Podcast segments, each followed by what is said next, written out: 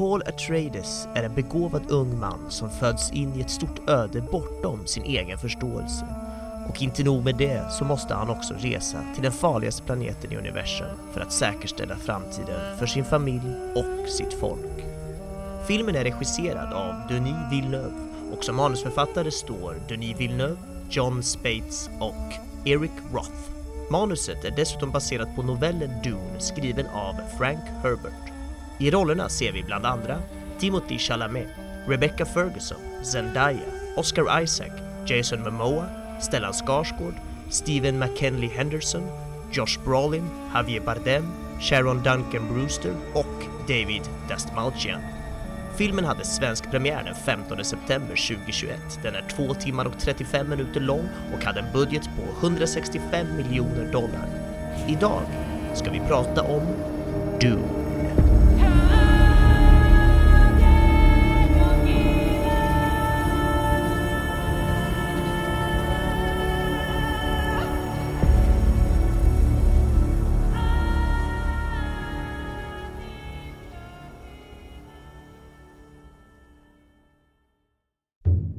I never waited for anyone who was late more than 10 minutes in my life. I'd say 15. 15's right. No, 10. Someone has to die in order that the rest of us should value life more. You've been putting it up your whole life. You just didn't know it. Now, are you a rusher or are you a dragger? Or are you going to be on my fucking time? Rancid apple core, two worm eaten banana peels, a moldy rice cake, a dried up pickle, tin of sardine, bones of pile, of broken eggshells, an old smushed up cotton gizzard with maggots all over it. Okay, it's worth it. Nobody's civil anymore. Nobody thinks what it's like to be the other guy. Glassen till eller? Har du snott den efter? God is the Father and God didn't show up. Låt fucking farsa! Turn it down. God, I mean, who the fuck are you? he's a squirrel. Take the fucking money. Take the fucking money. Take the fucking money. Sometimes a lady likes to have some fun. Hallå allihopa och välkomna tillbaka till ett nytt avsnitt av Spoilervarning med mig Joel Keskitalo och eh, Benjamin of House Gabrielson. Thank you. Gabrielsen. Eh, Det här är avsnitt 61 och eh, vi har tänkt att öppna den här nya säsongen, den här nya försenade säsongen som det såklart blir, men vi är tacksamma att ni ändå följer med oss. Ja. Med filmen Dune, Ja, eller hur? verkligen.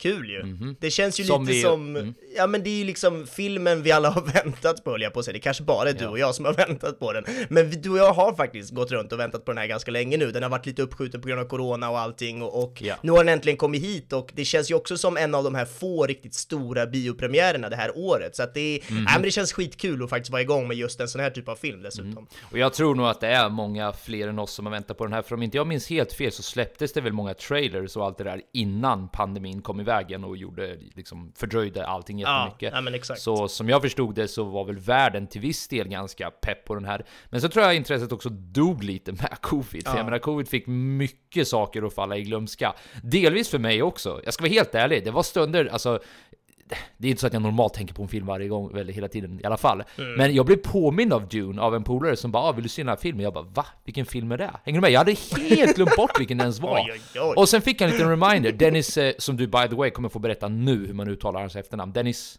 Villeneuve. Villeneuve. Mm. Eh, Och det är dessutom Dennis utan S, för att det är fransktalande namn, och tar man gärna bort, precis. Och det är Denis Villeneuve. All right. Vi, vi får se hur länge jag kommer klara av det där under poddavsnittet.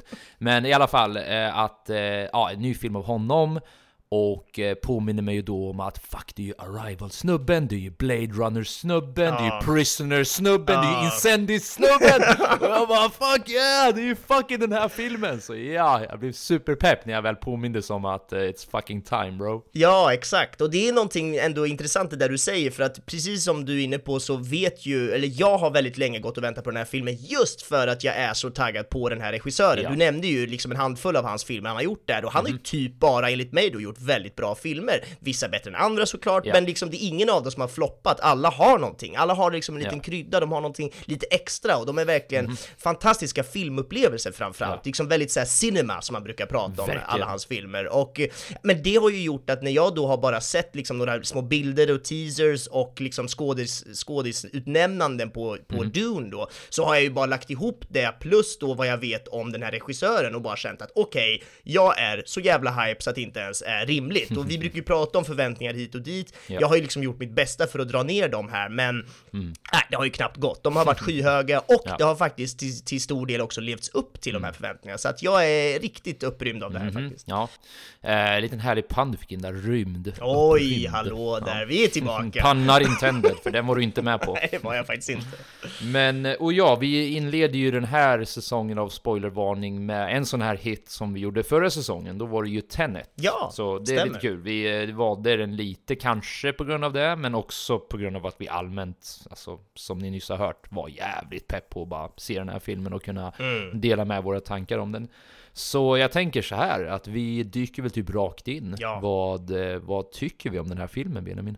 Då känner jag så här att det här, ja men jag var lite inne på det, jag tycker faktiskt att det här var en helt fantastisk filmupplevelse. Jag har dessutom lite svårt att sätta ord på exakt vad det är som gör att jag gillar den så mycket, men jag tror att det är en kombination av ganska många saker, så jag, jag hugger väl in här så får vi se helt enkelt. Men den har ju ett ganska liksom lugnt tempo, Ja. eh, fast jag aldrig egentligen tyckte att den var tråkig, för hela filmen är ju en slags presentation av den här världen, och, och det tycker jag funkar som fördel här, alltså att vi får den här worldbuildingen som vi ibland pratar om, alltså det här, eh, ja men att det ska förklaras och visas upp så att vi liksom ska förstå allt i den här nya världen. Det finns ibland filmer där den här presentationen, eh, speciellt karaktärspresentationer ibland blir liksom supertydliga och övertydliga och eh, därför också väldigt platta. Typ som någon film jag såg när, när där en man säger till sin fru, typ första meningen mellan de två är liksom så här, åh vilken tur att du är doktor och man bara, Ja, okej. just det. Vänta, Eh, vänta, vänta. ja. Vilken film var det nu igen? För jag tror vi har pratat Alltså om det här jag tidigare. tror att det kan ha varit den här 2012 eller 2012 Ja. eller vad den hette, katastroffilmen. Ja, eh, där man liksom tidigt ska förstå att hon, eller om det var han, jag minns inte ens, är doktor för att såklart kommer ju det påverka liksom storyn senare. Men Mhm. där blir det ju liksom inkastat och intryckt på oss på ett sånt sätt som, ja, det stör jag mig helt Ja men det blir enkelt på. motsatsen till vad vi brukar prata om show don't tell. Det blir ju Exakt. tell don't show. Ja.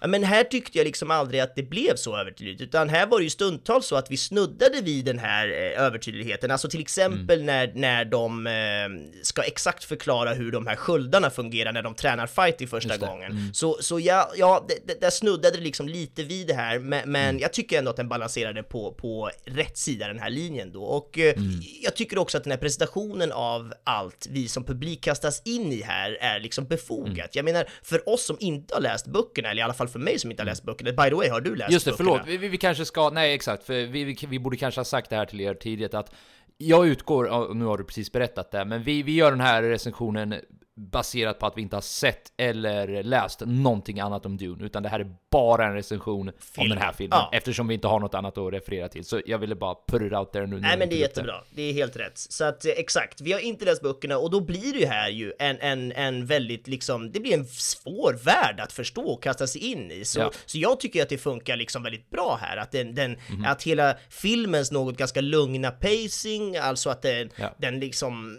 nästan kändes som ett, som ett långt anslag eller lång presentation till något Mm. större. Jag menar så fort filmen var slut så kände jag direkt att okej, nu börjar det. Mm. Och, och det gjorde liksom mig ingenting alls, jag älskar det. Eh, för en del av den lilla kritik jag hört från vissa är just att de tycker att den är lite seg och att den egentligen, att det egentligen Ja. inte hände så Det mycket. hört, ja. Att det Yes. liksom saknades det där lilla extra, det där so- som man hela tiden gick och väntade på. Och där håller jag inte alls med, eller jag, jag tror att jag förstår vad de säger eh, och det Mm. de syftar till, men, men jag tycker snarare att det är filmens liksom styrka. Den, tar sig Mm. den här tiden att bygga upp världen, den tar sig tiden att visa alla enorma platser och berätta om alla olika familjer, kulturer och traditioner och ja, jag tycker att just det funkar så sjukt bra. Här Mm. fick vi, vadå, två timmar och 40 minuter av en presentation och uppbyggnad till, till det som vi faktiskt väntar på. Ja. Ehm, så att, ja, jag tyckte det funkade riktigt bra, för det är ju också så att ofta när jag ser filmer där allt bara skyndas på så, så är det liksom att det slarvas något otroligt. Här är det ju motsatsen. Den Dune s- som redan finns från typ 80-talet, by the way, har du sett den? Nej, det, ju, det, det var lite det också jag refererade till tidigare. Att jag Ja, har det var det du inga på, tidigare precis. referenser på den här Mm. filmen. Jag, jag visste om att den fann, fanns och att den var baserad på Mm. en eh, bok så här, skriven på, jag vet inte, 50-60-talet? 60-talet, Eller kanske på 64 ja, 60-talet. tror jag. Mm. Eh, Men eh, jag har inte sett eller läst något av det. Nej, nej, men precis. Och den här filmen kom 84, det kanske du blandar ihop 64. Jag vet att det var 60-tal på boken, 80-tal Ja, på filmen i alla fall. Och filmen verkar liksom nästan ingen tycka om. Jag har inte heller sett den, så jag Nej, ska inte ut, hört, ja. uttala Mm. mig. Men, men det enda jag har hört är liksom dåliga saker om den. Och Ja. eh, det, det är ju...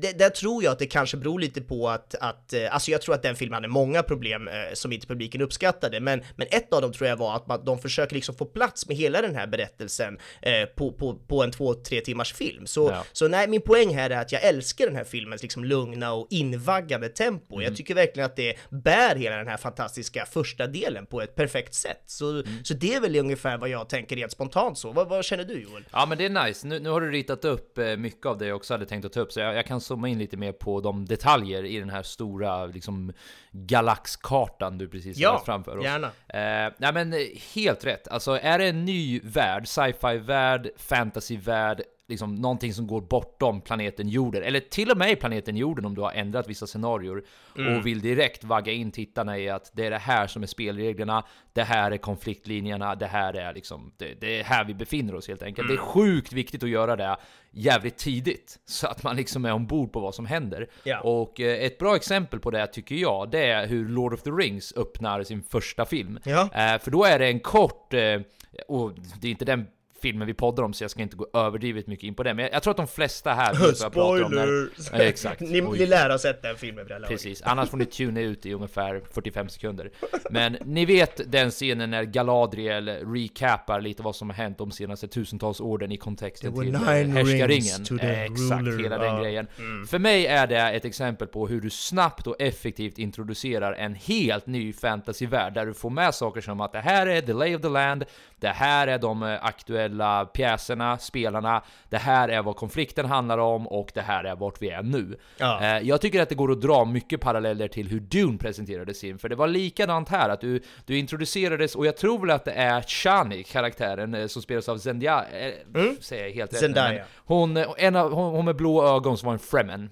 Eh, jag tror väl att det är hon som säger det, eh, som är the narrator. Mm. Ja, för hon är ju liksom. lite som en, exakt, hon är någon slags Precis, voice-over ja, narrator där i exakt. början ja. Mm. Och det tycker jag är asbra. För eh, då får man verkligen den övergripande bilden på ett sätt som ändå känns troligt också. För hon berättar ju om hur folket har blivit förtryckta av The Harkonnen.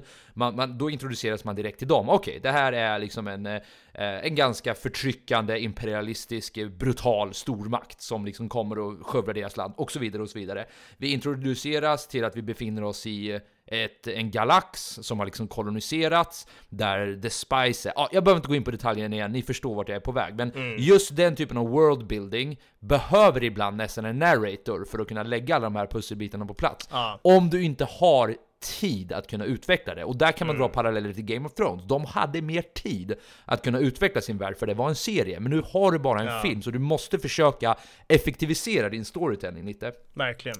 Och vidare till vad det är för scenario vi befinner oss i då. Alltså, jag, jag skrev lite så här, lite halvironiskt att det är lite Game of Thrones in space. slash Star Wars for grown-ups.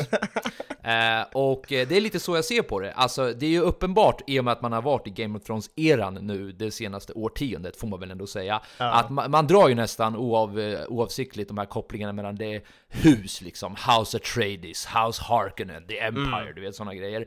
Och eh, jag, jag gillar det, alltså jag tycker det är ett jävligt gripande sätt att berätta en story på, som känns väldigt trovärdig också. Och slänger du då dessutom upp så här, de här konfliktlinjerna med att eh, Ja men det är så här, det, det, så här, ish capitalism in action. Eh, det, det handlar liksom om vi måste kontrollera det här spicet så att vi ska kunna bli rika, så att vi ska kunna hyra arméer, så att vi ska kunna göra alla de här grejerna liksom. Det är ju det här som skiljer typ Game of Thrones från Lord of the Rings, att de får också med såna här detaljer. Såna här detaljer där man ställer sig frågan, okej om jag befann mig i ett sånt här scenario, om, om, eh, om det här är liksom ett eh, scenario vi ska tro på, vad har de lagt fram så att jag ska övertygas om att det här är ett riktigt scenario? Och jag tycker att de har de pusselbitarna på plats. Eh, karaktärerna känns väldigt realistiska, de känns väldigt trovärdiga, det känns som att alla har liksom sina olika alla har sina olika motiv, alla har sina olika driv, alla har sina olika mål med vad de håller på med. Så all in all, precis som du säger, worldbuilding-aspekten av det här är riktigt nice. De sätter Mm. pusselbitarna på plats väldigt tidigt och vi lär oss liksom throughout the story, framförallt då genom Pauls ögon skulle jag vilja hävda. Man får liksom Mm. följa när han Timothy är som Chalamets Fremen. karaktär. Precis, Timothy Chalamets karaktär. Eh, så ja, den pusselbiten tycker jag de gör fantastiskt. I och med som sagt att det är helt ny värld som ska introduceras väldigt kort här. Så ja, det tycker jag de gör skitbra. Och sen en, en kort grej också att Mm. nämna angående pacingen som du pratade om. Ja. Eh, och eh, det där du beskrev, den där kritiken man har fått höra, har jag beskrivit som en enda lång antiklimax. Mm. Och eh, jag förstår ju vad, vad, vad folk tänker om det. Men sen tänker jag samtidigt, vad fan förväntade man sig om det är en part 1? Mm. Alltså för mig är det lite som att säga att första Harry Potter, du vet, Deathly Hallows, också var en lång antiklimax. Mm. För, men det är så här, ja, på ett plan absolut, men det är ju för att vi vet att storyn kommer konkluderas i part 2. Ja. Eh, jag menar, vad hade ni förväntat er för klimax i den här filmen? Mm. Sen återigen, jag hör redan kritiken säga ja, men den behövde inte vara så utdragen, det fanns mycket man kunde... Guess what? Det här är... Det, ja, Denis Villeneuve. Det här är lite av hans trademark på att göra film, och du kommer komma in på det här mer i det tekniska sen. Men just det här uh, utdragna, långdragna och mer explorativa Mm. sättet att göra film på är lite i hans wheelhouse. Och precis som du säger, jag tycker att ska du introducera en massiv ny Mm. värld så tycker jag det är bra att ta tid på sig. Att verkligen dra ut på saker, att verkligen vagga in oss i den här världen. Att inte stressa med vare sig narrativet eller rent det tekniska, det, liksom det, det utforskande. Mm. Ehm, så jag tror inte jag har så mycket mer att säga om just worldbuilding-aspekten annat än att eh, jag tyckte de gjorde det skitbra. Jag är jättenöjd med hur de presenterar den här nya världen. Ja, jag med, verkligen. För det är ju så, alltså under den här filmen, jag sitter ju som på nålar konstant. Jag är helt spänd. Ja. Jag är liksom väntar på varenda replik, varenda nästa scen, vad är det som kommer liksom, Ja. vad är det som syns i bild? Jag är inte uttråkad en sekund. Samtidigt som jag Inte kan jag förstå hur folk kan vara det. Men då är det kanske bara så att man har olika smak av, av film, vad man tycker är bra och inte. För, för jag var liksom inte uttråkad eller, eller liksom ledsen en enda sekund. Jag var helt supersugen och indragen konstant. Ja, precis. Och jag skulle faktiskt vilja utforska lite mer varför du kände så och Mm. varför jag också kände så. Varför man var så inne i det hela tiden liksom. Mm. Eh, ha- har du någonting spontant du tänker på då? Var, varför du, liksom, förutom att vi har då pratat om världen i sig är fascinerande. Ja. Men eh, vad var det som höll ditt intresse kvar? Liksom? Men det måste väl vara det här med att man liksom inte riktigt vet någonting. Man fattar ingenting Mm. och man är sugen på att förstå mer, typ, tänker jag. Ja, det, det, det är lite dit jag ville komma också. Mm. För jag, jag, jag tycker att det är en av de starkaste grejerna med den här filmen är mysteriet hela tiden. Ja, ja. Eh, Att eh, trots att de har varit tydliga med scenariot så att säga, Mm. så är ju detaljerna fortfarande väldigt luddiga. Det påminner mig lite, och jag, jag ber om ursäkt för ännu en Game of Thrones-referens, men jag kan inte låta bli, jag tycker parallellerna är så uppenbara. Det är okej, Men vi har haft uppehåll mig- nu, det är okej Johan. Ja, tack. Jag, jag, kommer skärpa mig along the line ska ni se. Jag släppte ju Mr. Robot-referenserna så småningom, även fast de kommer komma tillbaka ska ni se. För jag har faktiskt sett ett par avsnitt nyligen igen. Åh, vad mysigt. Eh, ja, ja, jag var tvungen. Men, eh, nej, men just att ehm, ehm, parallellerna till Game of Thrones är stundtals ganska uppenbara. Och jag börjar tänka på the early days när man följde Varys och Littlefinger. Mm. Och att man inte riktigt förstod vad de ville. Alltså det var, det var väldigt oklart vad deras mål var med allt det här. Det var alltid ett, det, det liksom låg alltid ett mysterium kring de här två. Mm. Eh, och eh, på samma sätt här, alltså jag menar vad, ställ dig själv frågan, vad fan vill egentligen The Benny Gesserit till exempel? Mm. De här uh, sorceress uh, snubbarna som de säger eh, de som har The Voice, och by the way, vad är The Voice? Liksom? Jag, jag säger inte det här som, som att det är en kritik, så bara, what the fuck, utan det är ju tvärtom, det, det är ju det som gör det så jävla gripande. Vad är The Voice för någonting? Ja. Vad är det för inflytande de här Benny Gesserit har egentligen? Hur stort är det inflytandet? För det verkar som att Harkonnen ändå kan ish gå bortom det och säga ja, jag lovar om inte jag sa att de inte skulle, du vet när eh, baronen, när Stellan Skarsgårds karaktär Ja, säger ja. att eh, jag lovar, jag kommer inte döda dem, men Arrakis is Arrakis liksom. Mm. Det är ju lite, lite drygt ändå, om de nu har det här inflytandet som de har. Så hur starkt är deras inflytande egentligen? Mm. Vad är det med eh, The Imperium, The Emperor, som är orolig för Harkonnens inflytande? Eh, Paul, vad är hans öde som den här Messias? Alltså, det är så jävla spännande, alltså jag får gåshud nu bara jag tänker på alla de här grejerna. Jag tycker det är skitgripande, precis som du säger, man, man bara väntar på varenda ord, för man, man har ingen aning om vad som ska hända. Nej. Alltså jag, jag sitter där, som när den där... um, eh, Den där giftflugan eller vad det var, den där, den Ja, där insekten som kom ut från väggen. Mm. På något plan förstod jag väl typ att Paul skulle överleva, för han är ju the Det var protagonist. en väldigt intressant filmplot twist om han Ja, dör. Men, men det känns som att de lika gärna kunde ha gått ett sidespår där. Alltså min poäng är att jag var inte helt övertygad hur den Mm. scenen skulle avslutas. Eh, och på samma sätt som när de blev sönderbombade där. Mm. Eh, jag blev lite chockad över det att det var, vad ska man säga, så inom citationstecken enkelt. Men samtidigt så Ja. gillade jag att de valde att gå den vägen. Att de verkligen de tar de här riskerna, att de introducerar, ja men återigen lite av så här, the good guys, samma som i Game of Thrones där igen, att du har några som du tror är uppenbara vinnare, så att säga, eller protagonister i Mm. alla fall. Så boom! Stänger de den dörren direkt och du blir ännu mer indragen i historien att shit, nu vill man ju bara se de här jävlarna bli besegrade. Även fast jag secretly håller på The Harkonnens för jag tycker de är så fucking badass. Men ja, det är en annan femma. Ja, Eh, Så ja, fyll i vad jag har att säga här, men just att det är ett mysterium hela tiden. Ja, verkligen. Nej, men jag instämmer till fullo. Jag tycker att det är just det där som gör att, som jag sa, jag sitter på nålar, jag vet inte om det är ett uttryck, men jag tror det. Att man är liksom spänd och taggad och nyfiken Ja. eh, på varenda liksom nästkommande scen. Och det, det, så känner jag verkligen i hela filmen och det har nog exakt med det du säger, mystiken att göra. Mm. Eh, jag tycker det är lite intressant här, för du, du drar liksom lite Game of Thrones-referenser Ja. eh, och, och vi känner båda att det, det finns liksom referenser att dra här Mm.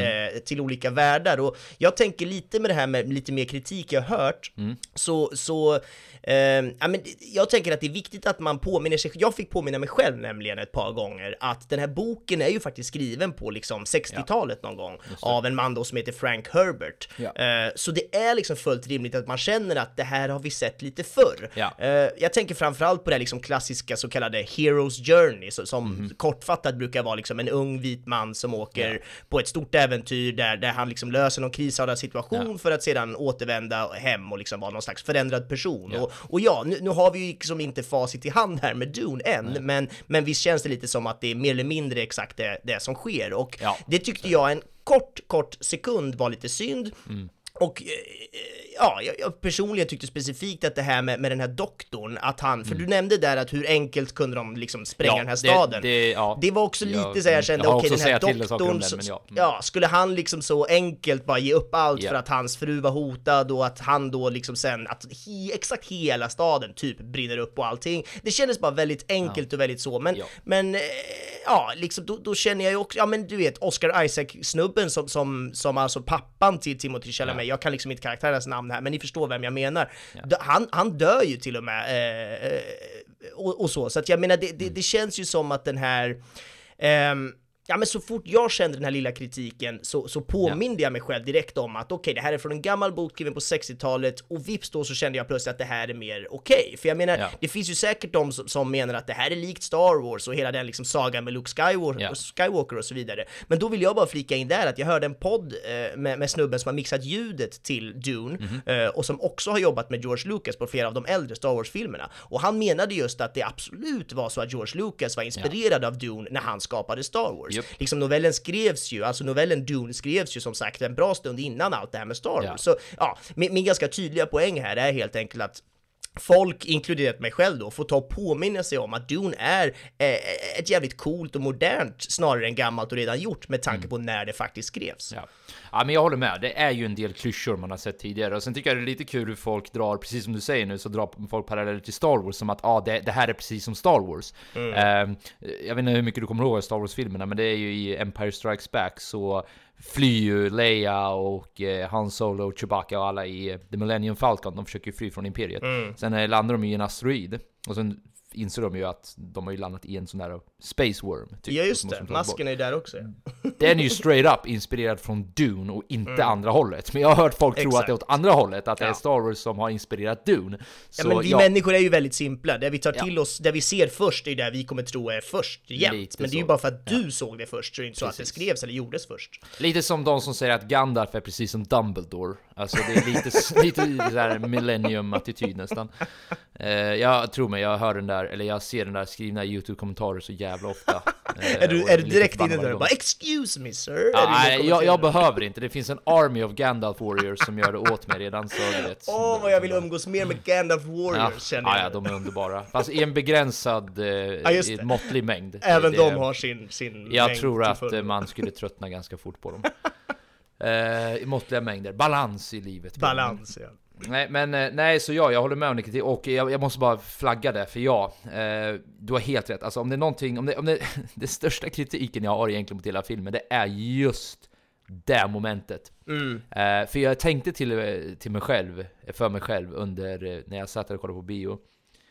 Måtte det här förräderiet inte ha att göra med att Harkonnens har hans fru och de torterar henne. Måtte det inte ha att göra med det. It's exactly what it is. Ja, och sen kommer det fram They have my wife, I'm picking her apart like a doll Och jag, jag var redan så inne i filmen att jag, jag, jag liksom Ja. Jag var tvungen att liksom skaka lite på huvudet och bara ry- rycka på axlarna bara okej, Mm. fine Vi får väl köra på det här Däremot kan Boken jag gammal, komma på boken är gammal, boken är gammal, det var så jag satt och tänkte. Ja, ja men det, det är helt rätt. Man får använda sina mentala strategier för att ta sig Mm. förbi sånt där. Men, för jag tänkte, alltså, men vet, du vet ju hur jag är vid det här laget. Jag, jag hittar andra alternativa scenarier man hade kunnat lagt upp de där grejerna Ja. på. Och jag kom på ett scenario som jag tycker skulle varit jävligt gripande. Som jag, alltså jag vet inte hur trogen de vill vara till boken och hur trogen de väldigt. faktiskt har varit. Ja, och då, då är det fine. Då, då, Mm. då kan man inte göra allt för mycket kanske. Men om man inte hade varit det, då, en mer intressant storyline tycker jag skulle ha varit att han var planterad av The Harkonnens redan för typ 40 år sedan. Mm. I 40 år har han tjänat The Harkonnen och bara väntat, och de har bara väntat på ett jävligt bra tillfälle att få använda honom. Eh, och att han då verkligen har, du vet, vaggat sig in i eh, Atreides inre krets, han har verkligen hittat alla de där grejerna.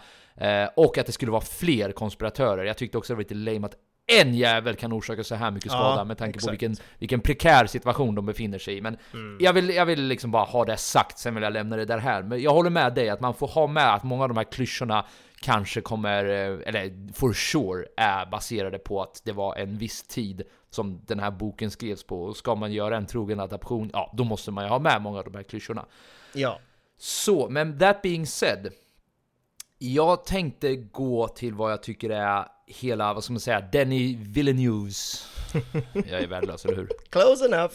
Ja, vad, vad som är hela hans eh, signum och eh, varför jag egentligen, var, varför Arrival, Blade Runner 2049 och Dune faktiskt är några av mina du vet, det är lite klyschigt att ens säga favoritfilmer, för det är så jävla vitt begrepp och det kan bero på så många olika Ja, saker. Men om ja. jag ändå lägger den i den korgen så förstår ni vad jag menar. Varför jag värderar dem så jävla högt. Mm. Och det har ju att göra med känslan av epicness. Ja. Alltså det, att, att det är så episkt Mm. där, där, där, där vi liksom befinner oss i. Så jag tänkte bara om vi kan spendera ett par minuter och prata om vad är det som gör det här så jävla episkt? Utan att allt för mycket gå in på det tekniska. för jag utgår från att det är där vi kommer bena ut det här mycket. Ja. Eller, eller är det kanske en segway in på det? Det kanske är omöjligt att separera de två. Vad tänker du? Ja, nästan omöjligt faktiskt, för att det är så mycket på det där som, som, som beror på just det, det tekniska. Alltså hur man gör en sån här film Ja. gör att den blir storslagen och episk. Det, det tror jag faktiskt. Men har, du- har du något mer i så fall att lägga till om själva filmen? Eller känns det som naturligt att vi kanske ska röra oss mot det tekniska då? Nej, men inget jag kommer på nu spontant. Vi skulle absolut kunna Nej. gå mot det tekniska.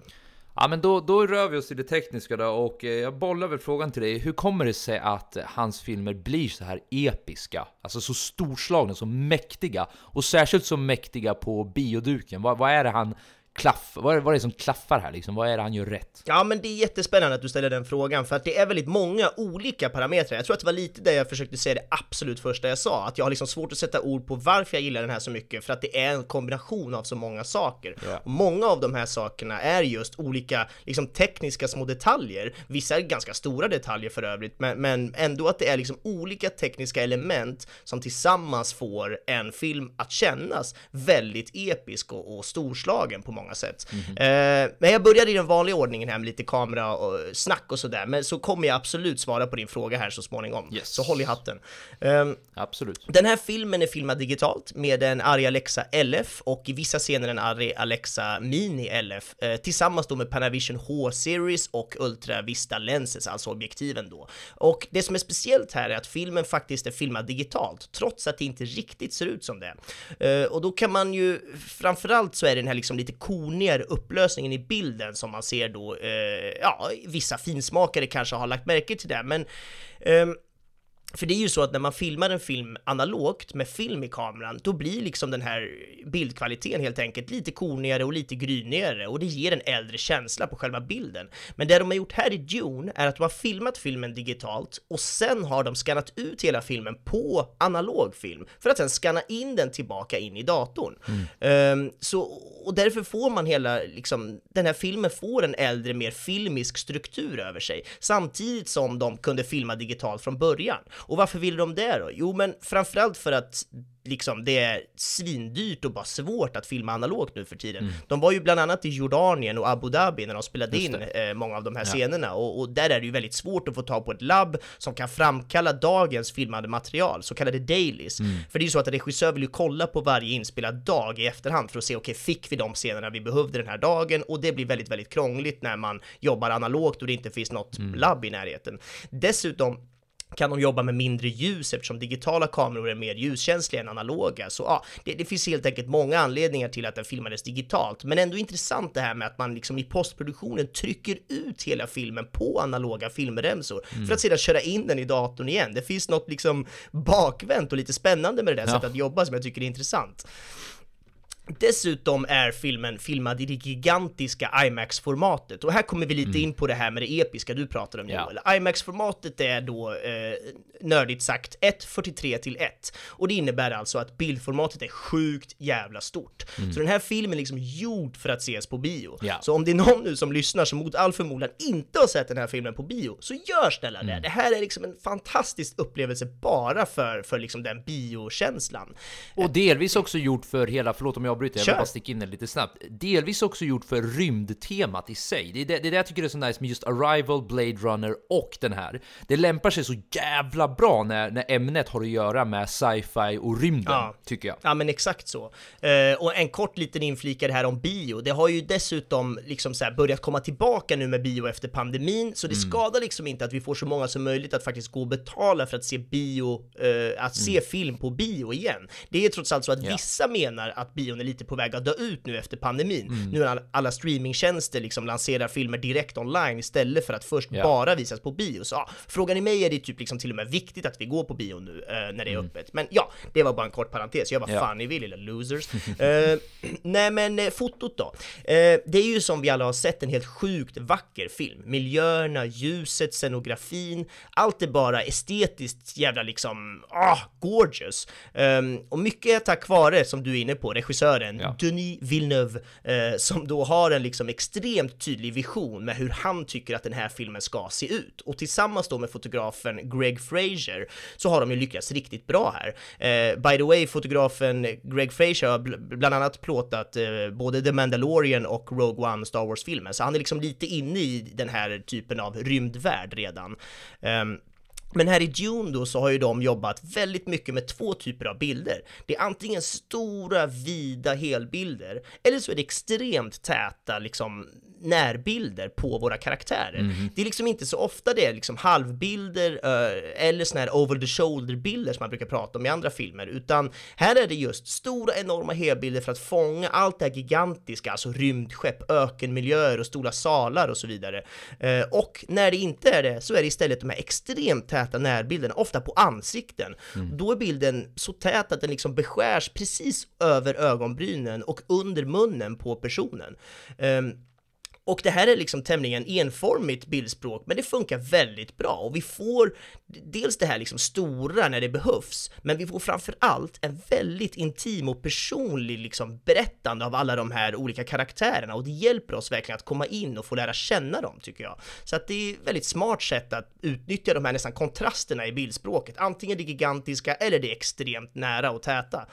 Um, men det är ju så mycket mer än bara fotot som är fantastiskt när det kommer till det visuella här. Mm. Uh, Denis Villeneuve är ju sån, sån här liksom autör som vi brukar säga, alltså en regissör som verkligen är med i exakt hela mm. processen. Och det här är lite det här du ville att vi skulle komma in på, yeah. alltså att han är med i varenda hörn av produktionen för att peka, visa, förklara exakt hur han vill ha sin helhetsvision. Mm. Och en stor del ligger i de här miljöerna vi är i, uh, och även hur de är ljussatta. Uh, det är nästan alltid riktiga miljöer, alltså riktiga öknar saknar riktiga gigantiska salar som de bygger upp och rymdskepp som de också har byggt upp och liksom liknande såna här saker. Och det här det är ju såklart, såklart, såklart massa som är datagjort, alltså CGI, det hade ju inte gått annars. Men, men det här med att de bygger ändå, de bygger liksom upp saker som hade kunnat gått och gjort i datorn, men det bygger de upp ändå, mm. bara för att de vet att okej, okay, om så lite som möjligt är datagjort, då kommer vi få ännu mer av den här storartade, episka känslan som du är inne på. Ja. Um, så det de har gjort här är att de har ju liksom åkt till alla de här platserna på jorden där det så, så mycket som möjligt ser ut som de här olika platserna i, i filmen som, som de vill uppnå. Och det bidrar ju också till, istället för att stå i en liksom bluescreen studio i, i, i norra Los Angeles så är de istället i en öken ute i Abu Dhabi och det säljer ju hela den här storartade känslan som vi så gärna vill åt. Um, de har ju till exempel byggt upp de här ornithopters, som de tydligen kallas, alltså de här liksom trollslänsliknande helikoptrarna. Mm. De, de har de liksom byggt upp flera sådana i, i real size, så att skådisarna ska kunna klättra runt mm. på dem och i dem och allting. Och sånt är ju bara så jävla häftigt. Det är liksom lite Christopher Nolan-vibes här när han liksom kör allt på riktigt. Eh, liksom köper stora Boeing-flygplan och spränger dem bara för att det kommer se bättre ut på film. Um, och så nämnde jag lite kort där eh, med ljussättningen där också, att det, det är ju så att de har jobbat med en viss typ av ljussättning som ska underlätta för all CGI, just för att det ska se så äkta ut hela vägen. Eh, och de har dessutom använt många, istället för att använda många liksom blue green screen som man alltid använder i vanliga fall, så har de istället här liksom anpassat de här blue green screensen till liksom sandfärgade screens, eller färgade till den miljön de är i just då. Mm. För att ljuset helt enkelt ska studsa exakt rätt och ge ifrån sig precis rätt typ av bounce som man brukar prata om. Um, Mm. Och jag skulle vilja prata massa om liksom scenografi och kostymer i den här filmen, men det har, vi har ju liksom inte hela dagen på oss. Dock, ja. dock är ju de här olika rummen och salarna någonting som är helt otroligt. Mm, så som de har byggt upp i månader för att det ska se så där äkta och sjukt jävla häftigt ut. Och, mm. och alla kostymer som olika folkslag har, nej, det, det, är liksom bara hatten av hela vägen. Jag läste ja. någonstans att de har, att det har sytts typ så här 1000 olika kostymer för den här filmens olika ja. skådespelare och statister. Bara en sån siffra är helt svindlande. Speciellt när man tänker på hur mycket de hade kunnat gjort med CGI i postproduktionen istället liksom. Ja. Eh, så ja, det finns helt enkelt åtskilliga exempel på den här filmens liksom storslagna och, och smarta tillvägagångssätt som ger oss den här extremt praktfulla och maxade känslan rakt igenom. Ja. Något annat jag bara måste nämna här är också ljudläggningen. Mm. Ah, och då ja, syftar jag alltså, först och främst på alla ljudeffekter. Ja. det är liksom så fundamentalt viktigt att en just sån här typ av film har en gedigen och faktiskt helt perfekt ljudläggning. Mm. Eftersom det är så mycket nytt vi aldrig har sett förut eller hört förut. Ja. Alla nya planeter med liksom egna väderförhållanden eller nya typer av rymdskepp och olika farkoster som drivs på helt olika sätt och alla kläder, prylar och allt sånt har ju olika ljud, ofta helt nya typer av ljud som vi inte hört förut, eller åtminstone nya kombinationer av ljud som tillsammans med bilden får en helt ny implikation. Sen ska ju allt det här liksom mixas ihop och låta bra samtidigt som de här karaktärerna pratar och musiken dånar och då måste det vara helt jävla perfekt och det är det ju för fan. Uh, ja, inte för att jag kanske skulle kunna peka på om det absolut inte var perfekt, men, men helhetskänslan, det funkar. Det, det låter aldrig för mycket eller för kladdigt som någon, som någon ljudkakafoni, utan det är fint balanserat och avvägt och ytterligare en sån där faktor som bara höjer den här fantastiska helhetsupplevelsen.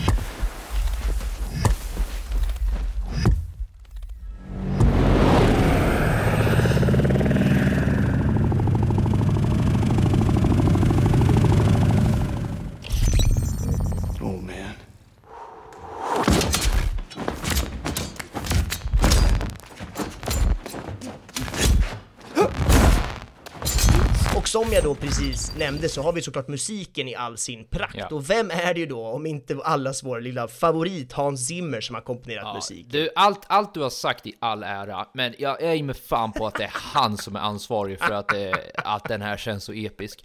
Alltså det, det räcker med en scen då Timothy Chalamets karaktär bara stirrar ut i fjärran och man hör Hans Zimmers musik bakom och det, det bara blir episkt. Ja. Alltså, och det känns som att varje scen då hans musik liksom verkligen uppenbarar sig så blir det bara episkt. Ja. Så du kan fuck off med allting du precis sa. Hans Zimmer räcker. Jag skojar obviously. Men, Så, ja. så nästa gång så bara, du går vi till det tekniska, Hans Zimmer, punkt. Och så är jag Ja, klar. punkt. Vi behöver inte mer. Vi packar ihop. Nästa film.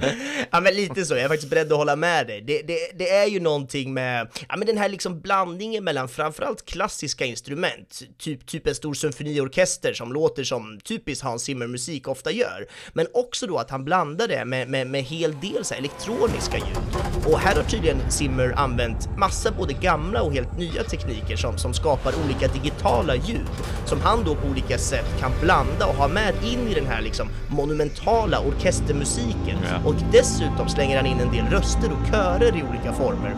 Mycket liksom nästan skrikiga röster som skär igenom allt vi ser på bilden. Och ja, det, det, det är bara liksom satans jävla vackert och häftigt. Musiken är liksom den där sista pusselbiten som, som kan vara så avgörande för många verkligen. filmer. Ja. Ibland är musiken medioker och då kan hela filmen lika gärna bli medioker. Ja. Och ibland finns det ingen musik och då kan det vara helt briljant. Men en sån här typ Exakt, av episk och liksom imposant film som, som Dune ändå är, så finns det ju inget bättre än att låta Hans Zimmer bara styra spakarna och gå loss liksom. Ja.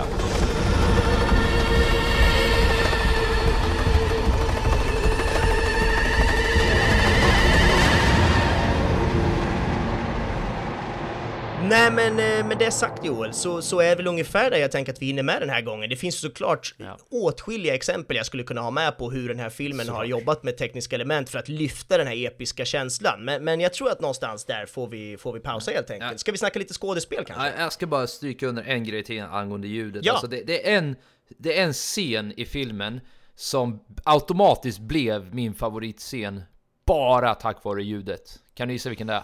Nej, faktiskt inte. Jag kommer inte ens Det försöka. är, ja det finns, det finns väldigt många Ja. så jag förstår varför det är svårt att välja. Men det är scenen, och nu säger jag då vad min favoritscen är som vi brukar spara lite. Men jag är en spoiler i spoilervarningens spoilade avsnitt.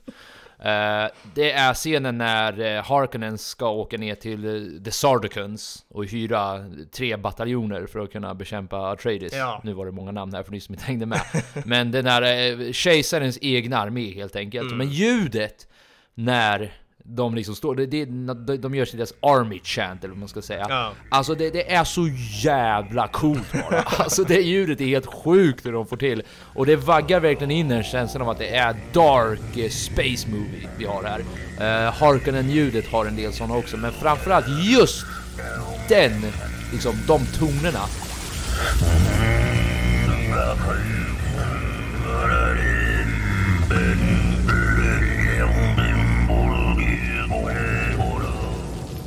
Vilket jag hörde är baserat till viss del på nordisk eh, eh, typ såhär gamla vikingasånger. Det, Ah, det heter nice. tydligen throat singing eller alltså Coolt. eh, halssång eller overtune singing. Jag läste, det var något sånt där. Ja. Eh, där det är inspirerat från så det är lite coolt också. Så det, det, och mongolerna använder tydligen den typen av eh, liksom hyllande eller så här, sjungande eller om man nu ska kalla det det också. Så det är ju, det, det har hämtat tydliga inspirationer men just den här eh, lagret av space horror, eller vad fan man ska säga, på det som ljudläggningen eh, eh, lyckades eh, producera var för mig så bara fucking briljant. Så ja, ljudet var verkligen top notch. Ja, helt fantastiskt. Men ja, skådespelarinsatserna, Mm. alltså det är ju en... eh, Ja, vilken jävla cast de har fått till! Ja, alltså, det får man säga. Timothy Chalamet, Rebecca Ferguson, Oscar Isaac, eh, Stellan Skarsgård.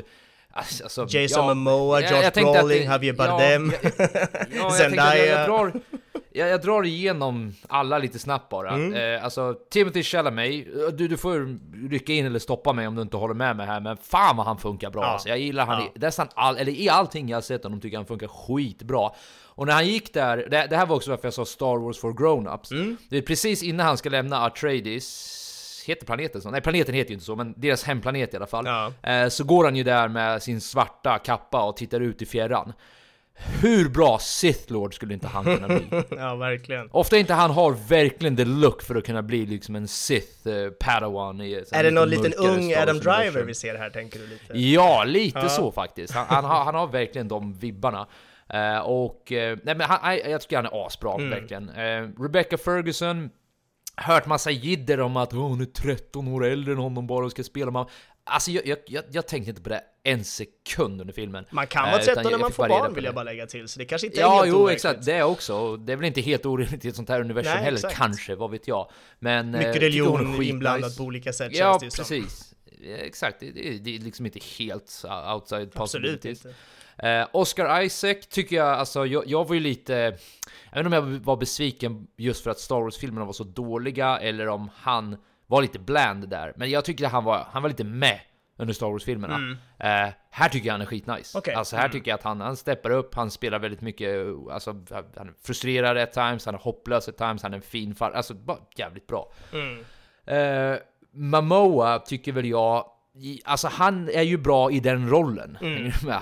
Det är ju den där rollen han spelar väldigt ofta, och han gör ju den som han alltid gör den. Det kanske hade varit kul att se honom gå lite utanför det, jag vet inte. Fixar han det? Fixar alltså, han det? Vet inte. Ja det är det, alltså han, han har ju inte blivit testad Jason. Momoa är liksom- det- Jason Momoa och det, det får liksom Ja. vara så, tänker jag. Ja, man, men ex, exakt, det kanske får vara så. Vi kanske, man får nöja sig med det, och det, det är jag nöjd med, ärligt talat. Jag med. Stellan Skarsgård som baronen, alltså... Men vilken rolig roll han har, liksom riktigt Verkligen. flippad, äcklig. Och jag visste inte ens att det var han som skulle spela Nej, vad honom. kul! Ja. Så jag blev ju golvad sen, vänta, är det där? vad, vad är det för röst Med jag hans hör? åtta nya hakor på sig under. Ja, exakt. Så, men det är ju Stellan ju! Det är för fan Skarsgård! Josh Brolin, Josh Brolin ja, och med på ett hörn där ja. Ja, Javier Bardem, vet inte om jag tar rätt. De är ju alltid bra, de också. Ja. De, de är liksom... Verkligen. Ja. Eh, Zendaya kan vi inte säga så mycket om, antar jag. Nej, hon är ju med så lite. Hon, hon och Timothy Chalamet har ju varit liksom poster Ja. boy and girl för den här filmen. De har ju varit ansiktet utåt och bara det här kommer vara de nya stjärnorna och det beror ju enbart på liksom sälja biljetter-knepet. För Zendaya just nu råkar ju vara en av de mest up and coming liksom Ja. på tapeten skådisarna för den här generationen som finns. Tillsammans med Timothy Chalamet, men han har ju liksom redan varit lite Oscars-nominerad och är ju på något sätt lite mer etablerad. Hon är ju ännu mer såhär “Where is this girl coming from?” Ja. Så att ho- hon är ju liksom egentligen med på alla de här listorna högst upp bara för att hon är den Mm. hon är. Men i filmen är hon ju knappt med, hon är ju med väldigt lite. Däremot tror jag att vi kommer få se henne jättemycket och jag hoppas det, för jag tycker hon är svinbra. Eh, jag har ju sett en serie på, jag tror att det är HBO, som heter Mm. Euphoria, eh, där hon spelar huvudrollen. Och den kan jag rekommendera till alla som bara vill djupdyka lite mer in i Zendaya, för att Mm. det är liksom en så här tonårsserie om liksom vanliga tonårsproblem, Mm. men den går ganska dark och den går ganska dark på ett nice sätt. Okej. Så att, eh, jag kan starkt rekommendera den om man vill förstå mer om vad hon har för kapacitet som skådespelare i alla fall. Mm. Men hur som helst hoppas jag och nästan garanterat att vi kommer få se mer av henne i, i kommande film helt Ja, enkelt. ja, det är jag övertygad om med tanke på Paula Traders drömmar också om en Exakt. potentiell framtid på väg och vart filmen slutade. Ja. Så ja, hon kommer nog få chans att eh, eh, börja skina. Mm. Rebecca ja, Ferguson by the way, svenskfödd. ja, det är roligt precis. att veta om. Det, det kan också Ja. vara nämnvärt. Ja. Men, Så två svenskar med i toppcasten, det är ändå roligt. ja, och, Stellan eh, och Rebecca. Två, två som gör ett jävligt bra jobb också, får man ändå Det säga. får man säga. Jag har ju, by the way, om jag ska bara säga någonting, jag Absolut. håller verkligen med där du säger om de här olika skådisarna. Ehm, det- jag kände ju, alltså så här, Timothy Ch- Chalamet är ju huvudrollen och han är ju sedan tidigare en riktig favorit hos mig. Jag älskar ju typ det mesta han är i, som du sa. Och, ja. han, han är ju bra, men han, han, han gör kanske ingenting som är liksom så här helt otroligt Nej. just här kan jag tycka. Men, men det behöver han inte göra, utan jag tycker han gör det asbra och så är det nice. Däremot så tycker jag just att hans mamma då, Rebecca Ferguson, karaktären, Mm. eh, jag tycker att hon är helt fantastisk. Jag tycker verkligen att hon når ut eh, från bioduken och träffar oss i publiken, i alla fall mig då, Ja. mer än egentligen någon annan i hela filmen. Så att jag tror att ett litet extra liksom lyft för Rebecca Ferguson fr- från min sida här i alla Ja, fall. vad kul. Ehm, ja, det har du fan rätt i. Jag, jag hade inte riktigt tänkt på det, men eh, hon, har väl, hon har väldigt många väldigt varierande scener. där, eh, Mm, exakt. där hon också vaggar in en i den här mystiken vi pratade om tidigare. Mm. Hon, hon verkar liksom alltid veta lite mer än vad hon berättar. Exakt, och det är Eh, ju men spännande. vill typ ändå berätta, för hon, hon känner sig typ konflikted mellan Benny Gesserit och hennes lojalitet till familjen. Liksom. Ja. Ja, det, är- det är en häftig dynamik där. Mm, verkligen. Eh, Men du, eh, jag tänker att vi rundar av med en liten sammanfattning och favoritscen. Ja, Eh, Är det något du känner för att ta, eller vill du att jag börjar? nej men kör hårt. Men okej, nej men... eh, Jag, jag kan väl säga att jag hade höga förväntningar och jag tycker att den träffade för ovanlighetens skull, mitt i prick. Den var varken bättre än vad jag trodde den skulle vara, men den var inte sämre heller, utan det, det var ungefär det här jag förväntade mig faktiskt. Eh, sen var det några överraskningar som var jävligt roliga, men jag, jag var nöjd liksom. Mm. Eh, och eh, härligt, bra, ett episkt sci-fi-äventyr som introduceras på ett väldigt bra sätt. Eh, mystiskt, episkt, som jag pratat om. Stellar cast. Ja, I, I can't wait tills eh, tvåan kommer, som blev annonsad bara för ett par dagar sedan att den kommer Mm. bli av, så det känns jävligt bra. Så ja, Det gillar, jag gillar jättemycket den här filmen och eh, Denis Villeneuve. nu blev det sämre än någonsin.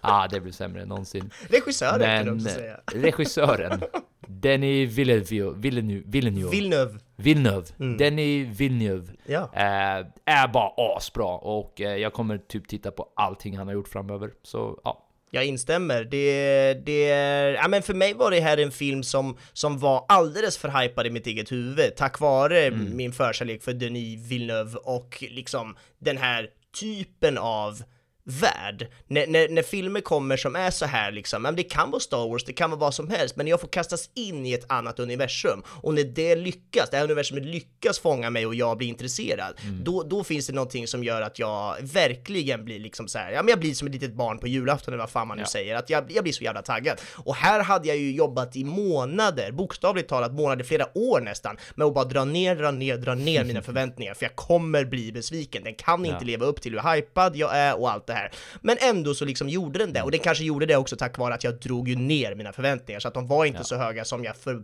ja, från början hade dem. Ja. Hur som helst så är jag otroligt nöjd. Jag tycker den här filmen gjorde exakt det jag ville. Den introducerar mig till den här världen som jag bara vill stanna inuti Mm. och eh, jag får dessutom veta att det kommer mycket, mycket mer eh, framöver, så att jag är supertaggad. Ja, och i och med att ni redan har hört min favoritscen, det vill säga scenen när The Harkonnen ska anlita två bataljoner från The Sardicans. Som sagt, väldigt mycket namn. Men eh, den scenen med det coola ljudet och allt det där jag beskrev förut. Så vad är din favoritscen? Ja, jag har ju svårt. Eh, det brukar alltid vara svårt, det brukar jag alltid säga, men, men det är någonting extra svårt när det är en film som bara går på bio, jag kan liksom inte riktigt scrolla igenom den och verkligen fundera, så att ja, ja jag vill ju välja någon stark scen där som, som tog liksom extra på mig, men så här i efterhand så är det så svårt att komma på när det just var. Eh, det kanske var liksom lite i slutet när vi följer Timothy Chalamet-karaktären och hans mamma där i öknen, eh, kanske hans fight där mot slutet eller någonting, ja men du vet, jag, det, det känns som att jag mest, eh, vad säger man, letar efter halmstrån, I don't know. Det, jag kommer liksom inte riktigt ha en perfekt favoritscen, så att jag tror nästan jag släpper det istället. All right. Du, eh, du tar the easy way out alltså. Ibland får det vara jag. så, okej? Ja. Det är okej, vi förlåter dig.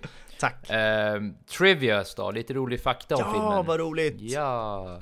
Eh, så långt innan eh, filmen var gjord, eh, när han först blev bekräftad, när Dennis, Denis Villeneuve blev bekräftad att han skulle göra filmen, så Mm. berättade han för Vanity Fair att hans eh, ambition är att göra den i två delar, av just de här anledningarna som vi har pratat om nu.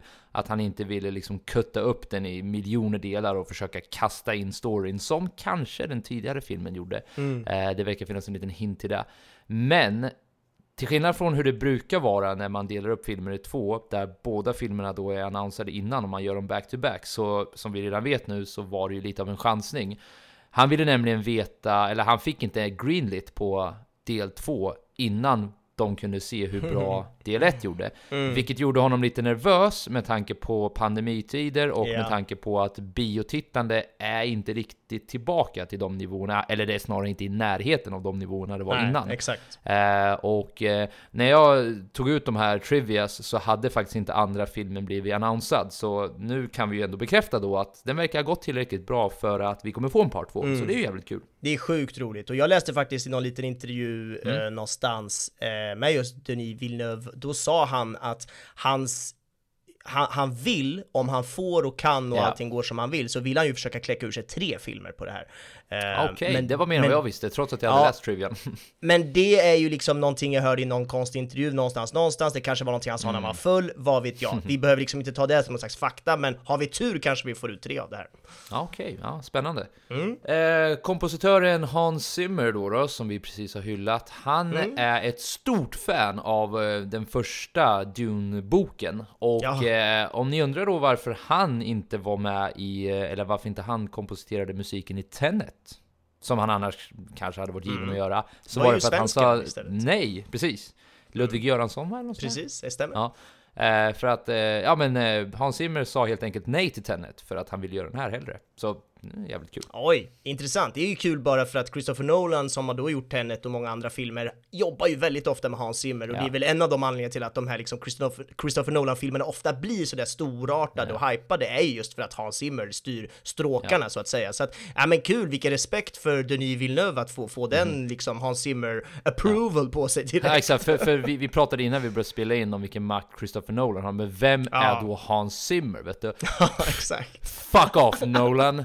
I'm, out, I'm off to Dune! Du vet, vilken jävla hjälte. By the way, om ni är intresserade av att se samarbetet mellan eh, Hans Zimmer och Christopher Nolan så kan jag rekommendera att ni söker på eh, Hans Zimmer typ Interstellar Sound och så får ni se ett Mm. jävligt coolt eh, exempel på hur den musiken skapades. Och eh, jag Åh, vill inte nice. säga för mycket, men jag tror du vet vad jag syftar på Benji. Och Ja. otroligt häftig process för att få den där eh, space-ljudet vi har i Interstellar. Men ja, Mm. det var bara en liten Mums!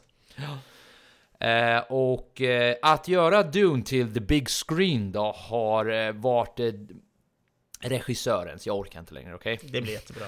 Har varit regissörens dröm sen han först Eh, hörde talas om den första Dune-filmen. Och eh, han läste, han hade läst eh, Frank Herberts novell då när han var 12 år gammal. Men i och med att den här första adaptionen inte blev så bra så kändes det ganska viktigt att om han ska göra det här då vill han verkligen naila den. Så han har haft det här i huvudet väldigt länge, men han ville först du vet, orientera sig lite i sci-fi-världen innan han gav sig på det här stora projektet. Så han gjorde Arrival och han gjorde Blade Runner först. Eh, Inte då bara för att förbereda sig inför det här, utan det var ju generellt bra filmer också. Men det är lite kul tycker jag att det är lite, det var lite så det var. Att det, det där var hans sätt att orientera sig i sci-fi-genren för att då Mm. kunna göra Dune.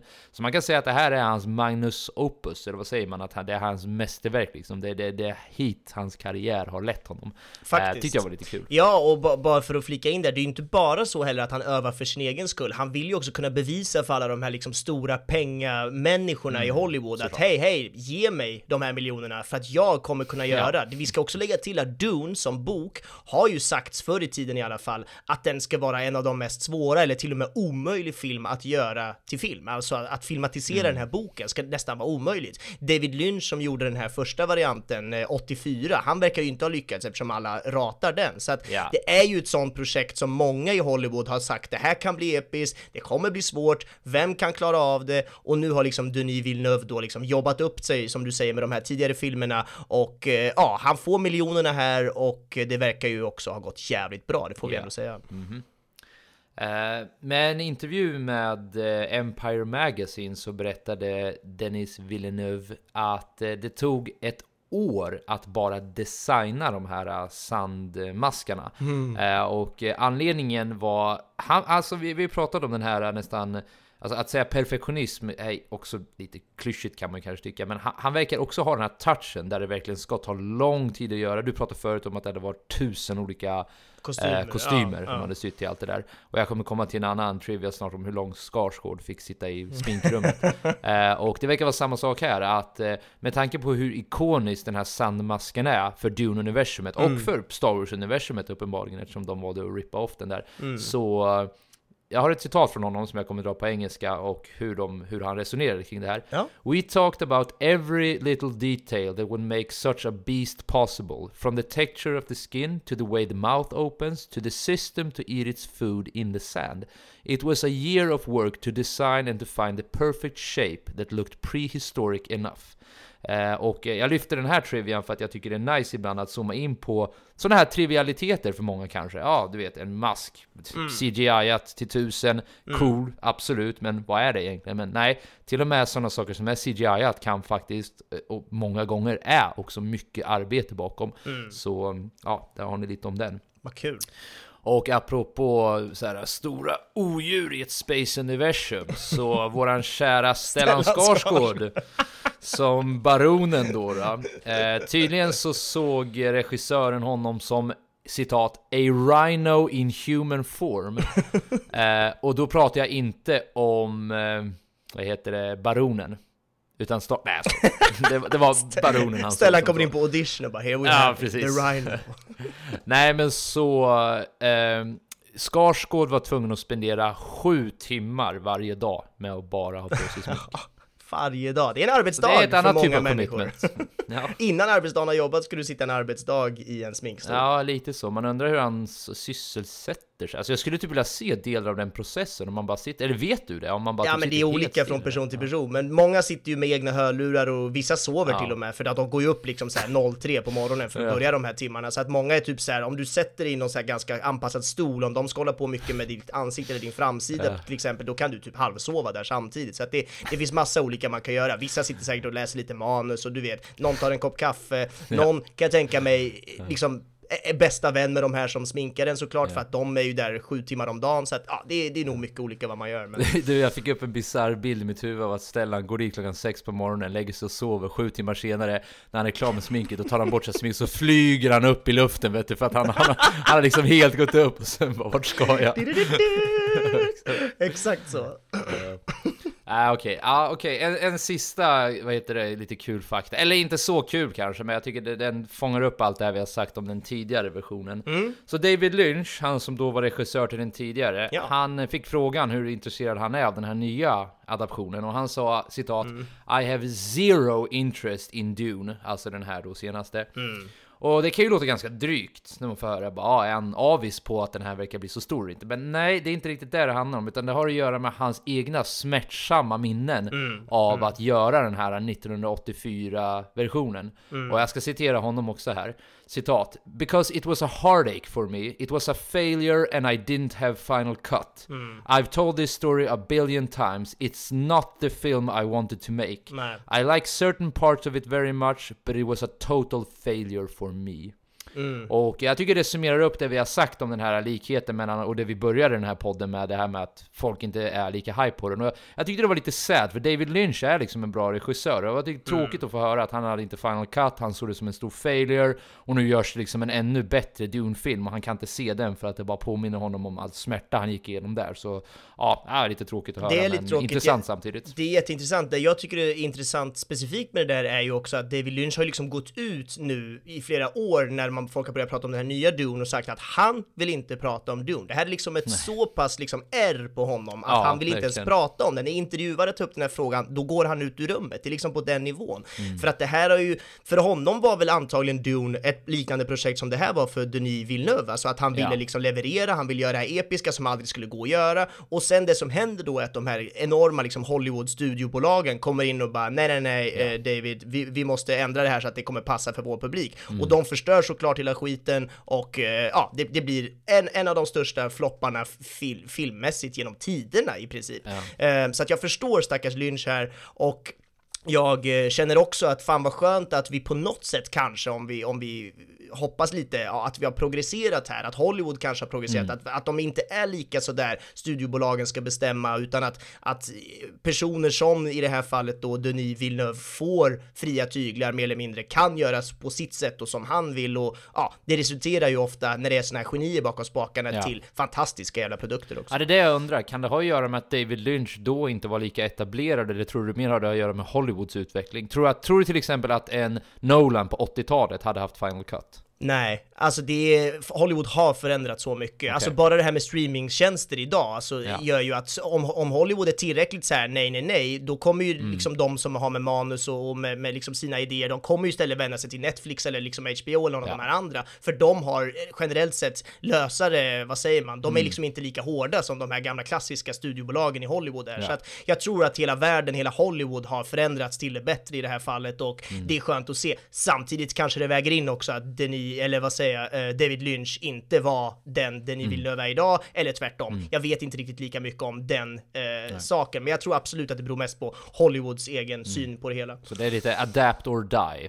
Hollywood måste helt enkelt adaptera för ja, det kommer massa competition nu. Det är ju så, faktiskt. Ja. Till det bättre för många, i många fall. Men eh, ja, ja, det var de jag hade valt ut som lite som stack ut lite extra. Som vanligt så finns det ju fler att läsa igenom på filmens IMDB-sida, så det är bara att klicka in där om ni känner för det. Underbart. Och med den trivian avstängd så tänkte jag att vi går till eh, vad nästa poddavsnitt kommer att handla om. Ja, vad kul. Vilken film det kommer vara. Och nästa film kommer att vara Dryck. Ja! Eller En omgång till, eller Another round. En runda till tror jag till och med den har hetat, hetat Ja. på svenska. Vad roligt, du väljer den alltså. Fan vad kul! Jag är sjukt pepp på att podda om den och jag är sjukt pepp på att dela med våra lyssnare om vår upplevelse av att se den filmen. Ja. Så ja, se fram emot det. Du och jag såg den på bio när den hade typ premiär här för ett tag sedan. Men den går Ja. fortfarande på bio och jag tror dessutom att den framförallt redan nu går att streama. Så Ja, passa på att se den. Det är en riktigt underhållande film. Och eh, ja, nej, men med det så tänkte jag väl att vi rundar av det här första avsnittet på våran eh, return. Ja. Om inte du har något mer att tillägga. Nej, jag är så nöjd. Vilken, vilken härlig, härligt att vara tillbaka. Ja! Fan ashärligt! Mm. Men fan, mm, påminn våra lyssnare nu vart fan de kan hitta oss och sen rundar vi av det här. Ja, men eh, podden finns ju där poddar finns som vi brukar säga. Går ju att hitta i alla eh, moderna appar nu för tiden. Eh, Och skulle vi inte finnas i en app som ni gillar så hör gärna av er så fixar vi in oss i den appen också.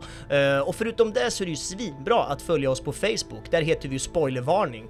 Där lägger vi ju upp liksom kommande filmer, vart man kan se filmerna, olika extra länkar till exempel till olika de här intervjuerna som jag sitter Ja. och tjatar om ibland om man vill djupdyka ännu mer i det här liksom olika kameraspråket eller ljussättningar och så vidare. Så in på Facebook och följ oss där, där heter vi spoilervarning. Grymt! Eh, så kom ihåg, Dryck, det är en dansk film så därför heter den så, men en omgång till. Jag tror, är du säker på det? Jag tror att den heter En runda till på svenska. Ja, det kanske den gör. I så fall är det My Bad. Den heter nog kanske en runda till. Eh, Ja, 2020. ni kommer hitta den om ni söker. Ja, det var en runda till. Ja. Då tar jag tillbaka det jag sa hörni. Dryck eller en runda till. Det är nästa film. Eh, ha det gött tills vidare. Tack för att ni har lyssnat. Hej hej! Ha det! Hej hej!